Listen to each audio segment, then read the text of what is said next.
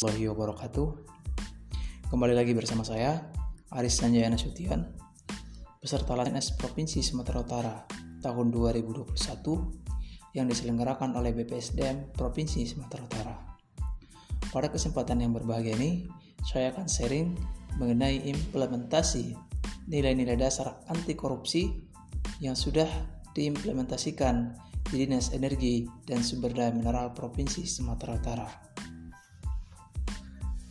Adapun bentuk implementasi dari Dinas Energi dan Sumber Daya Mineral Provinsi Sumatera Utara terhadap nilai-nilai anti korupsi terlihat sangat jelas.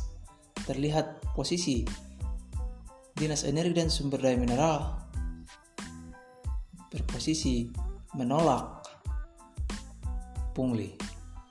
Terlihat dari dipasangnya spanduk-spanduk berupa himbauan di mana Dinas Energi dan Sumber Daya Mineral sangat-sangat menolak praktek-praktek pungli.